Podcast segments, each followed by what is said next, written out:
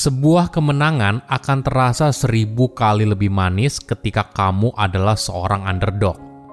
Halo semuanya, nama saya Michael. Selamat datang di channel saya, Sikutu Buku. Kali ini saya akan membahas fenomena underdog, keuntungan di baliknya, dan kenapa banyak orang suka sekali dengan cerita underdog. Menjadi juara tentu saja merupakan perasaan yang menyenangkan. Semua mata tertuju pada kamu tidak peduli siapa dirimu atau dari mana kamu berasal, meraih kemenangan merupakan sesuatu yang penting. Tidak ada yang salah dengan hal itu. Perasaan ini membuat kita terus termotivasi dalam setiap aspek kehidupan. Tapi perlu dipahami, ketika ada yang menang, maka ada yang kalah. Ketika kamu berhenti menang, maka kamu berada pada pihak yang kalah. Sayangnya lagi, garis start setiap orang berbeda Mungkin saja kau malah berada di garis start yang paling belakang atau tergolong sebagai underdog. Seseorang atau tim yang punya peluang kecil untuk menang. Tidak ada orang yang mengharapkan kamu untuk menang di tengah segala keterbatasan. Tapi di sisi lain, kondisi ini sering kali mendorong seorang untuk maju dan pada akhirnya bisa sukses. Lalu membuktikan kalau pendapat orang lain tentang dirinya itu salah. Menariknya lagi, kita suka sekali cerita seperti ini di mana seorang yang awalnya miskin lalu bisa kaya raya dan sebagainya. Apa alasannya? Sebelum kita mulai, buat kalian yang mau support channel ini agar terus berkarya, caranya gampang banget. Kalian cukup klik subscribe dan nyalakan loncengnya. Dukungan kalian membantu banget supaya kita bisa rutin posting dan bersama-sama belajar di channel ini.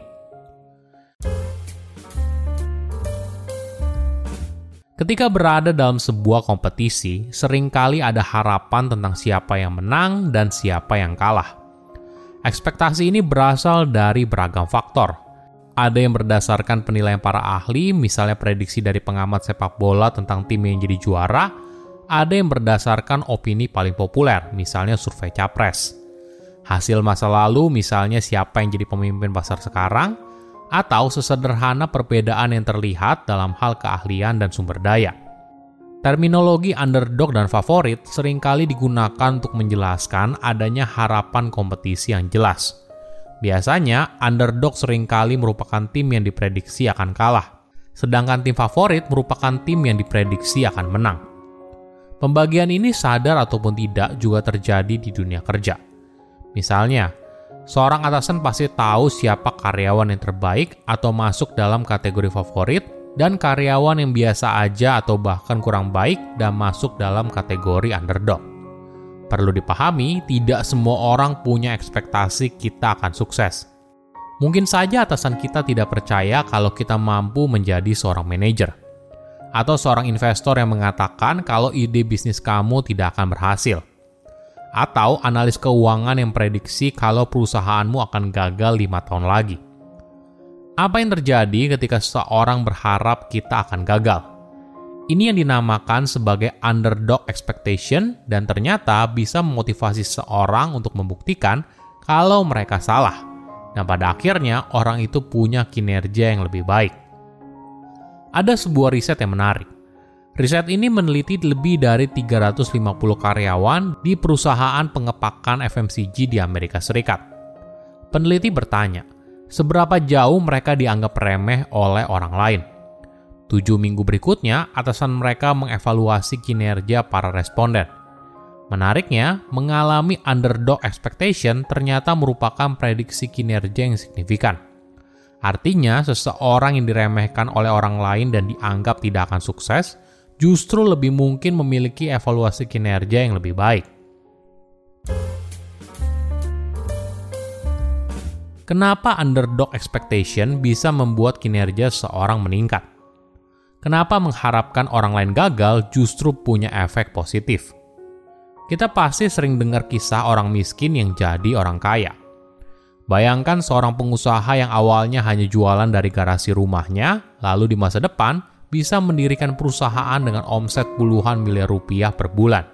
Atau seorang atlet yang biasa saja bisa mengalahkan atlet yang bertahun-tahun selalu jadi juara. Ketika orang itu berhasil, sering kali alasan mereka bisa sukses adalah untuk membuktikan kalau orang lain salah. Mereka ingin membuktikan orang yang selama ini meragukan dan meremehkan itu salah. Dorongan ini yang membuat dirinya terus maju hingga akhirnya bisa sukses. Di sisi lain, ketika tidak ada harapan untuk sukses, maka orang itu berada dalam kondisi yang nating tulus. Seorang underdog punya privilege untuk bekerja dalam diam. Kamu tidak sibuk mempertahankan apa yang sudah ada, tapi kamu sedang bekerja keras membangun sesuatu hingga akhirnya karyamu bisa diakui. Menariknya, underdog tidak selalu bermain dengan cara tradisional. Sama halnya ketika David tidak berusaha melawan Goliath dengan pedang. Tapi David menggunakan senjata yang berbeda yaitu ketapel. Senjata yang sudah digunakan oleh David selama bertahun-tahun ketika dirinya melindungi kawanan hewan peliharaannya. Senjata ini memberikan dia kepercayaan diri dan akhirnya strategi ini berhasil mengalahkan Goliath dalam duel. Anehnya, ketika melihat underdog, ada juga sebagian orang justru memberikan dukungan. Mereka ingin underdog itu untuk menang. Sebagai informasi, seseorang yang disebut sebagai underdog dalam sebuah kompetisi adalah pihak yang diperkirakan akan kalah. Ketika seorang mengamati sebuah kompetisi, mereka sering kali tertarik pada tokoh yang dianggap dirugikan atau tidak mungkin menang. Ada sebuah riset yang menarik Para responden diminta untuk membaca deskripsi dua tim bola basket fiksi yang bermain satu sama lain dalam tujuh seri pertandingan. 88,1% responden mengunggulkan tim yang digambarkan sebagai underdog. Oke, jadi apa alasannya? Ada beberapa teori di baliknya. Pertama, kesenangan kita untuk melihat orang lain gagal. Di dalam diri seorang mungkin ada rasa kecemburuan kita mungkin saja kesal dengan tim yang selalu jadi juara setiap tahun. Lalu pemikiran muncul kalau kita justru mengharapkan mereka untuk gagal. Kedua, jauh di lubuk hati kita ingin dunia yang adil. Seseorang yang sukses tidak hanya karena mereka bekerja keras. Banyak faktor lainnya yang bisa mendorong kesuksesan.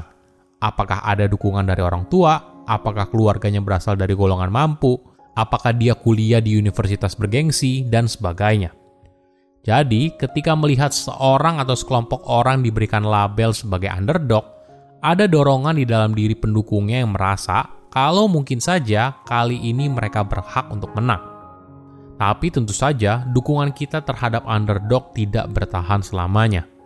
Ketika kita beneran akan kehilangan sesuatu apabila underdog itu kalah, kemungkinan besar dukungan kita akan berubah. Misalnya, kita mendukung warung kecil ketika di lokasi tersebut mulai dibangun supermarket dan minimarket. Tapi pada akhirnya, kemungkinan besar kita hanya membeli di toko yang lebih murah. Silahkan komen di kolom komentar pelajaran apa yang kalian dapat ketika tahu informasi ini. Selain itu, komen juga mau tahu informasi apa lagi yang saya review di video berikutnya. Saya undur diri, jangan lupa subscribe channel YouTube Sikutu Buku. Bye-bye.